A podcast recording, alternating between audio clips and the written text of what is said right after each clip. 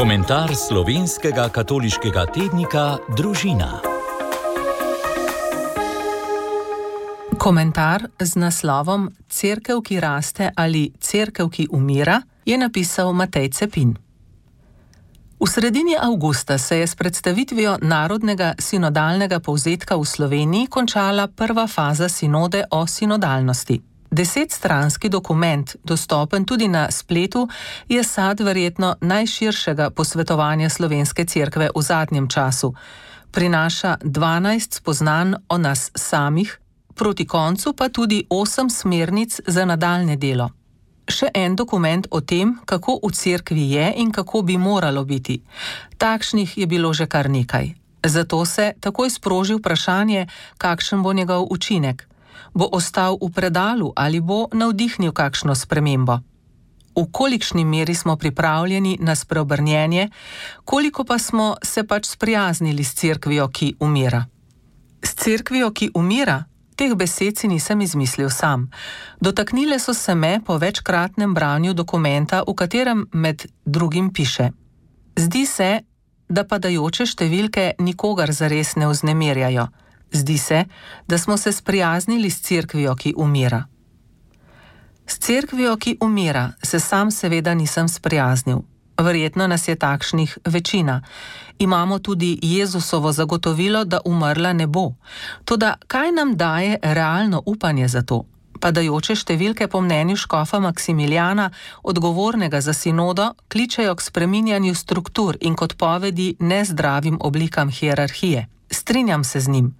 Nekatere padajoče številke si predstavljam kot odmrla drevesa, ki morajo pasti, da naredijo prostor tistemu, kar raste pod njimi. In kaj to je? Morda gibanje, družina in življenje ter najna pot? Množica moških udeležencev akcije Exodus 90. Pastoralna zveza v Slovengracu, ki je model Združenih župni skupno duhovno ponudbo.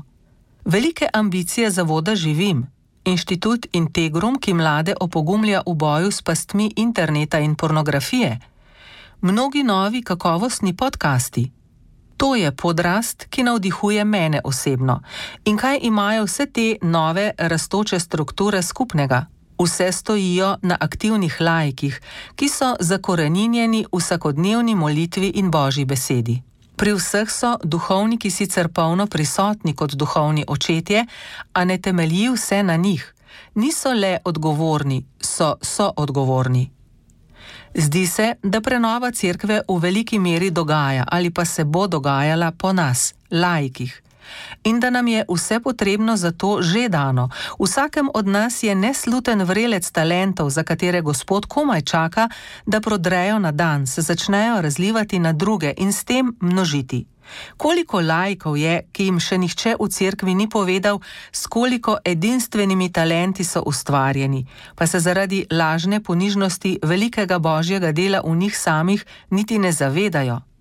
Besedo laik uporabljam namenoma, saj narodni sinodalni povzetek sodelovanja med duhovniki in laiki izpostavlja kot eno ključnih točk.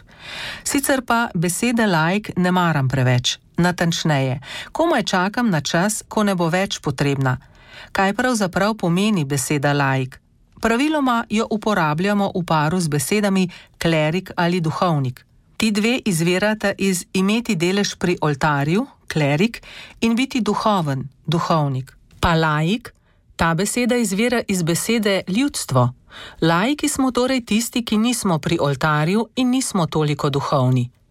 Ste medverniki že kdaj slišali še petanje, ta gre pa za laika, kot ga včasih slišimo, ta gre pa za duhovnika?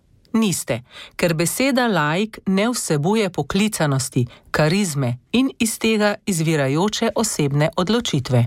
Nismo le laiki, smo očetje, matere, voditelji zakonskih skupin, oratorijev, sodelavci karitas, molivci, pevci, organizatori roman, pritrkovalci ali katehisti. Nekaj je, da se v moči Kristusove obljube ne sprijaznimo s crkvijo, ki umira. Še nekaj več pa je, da kljub morebitnemu odporu nekaterih struktur prepoznavamo svoje talente in jih ponudimo v skupno dobro. tistim, ki jih bodo pač sprejeli. In ne gre zgolj za duhovne talente, prav pridajo tudi umetniški, družbeni, ekonomski, gradbeni, računalniški, komunikacijski. Cerkev, ki ljubi bližnjega, je namreč tesno povezana z realnim življenjem.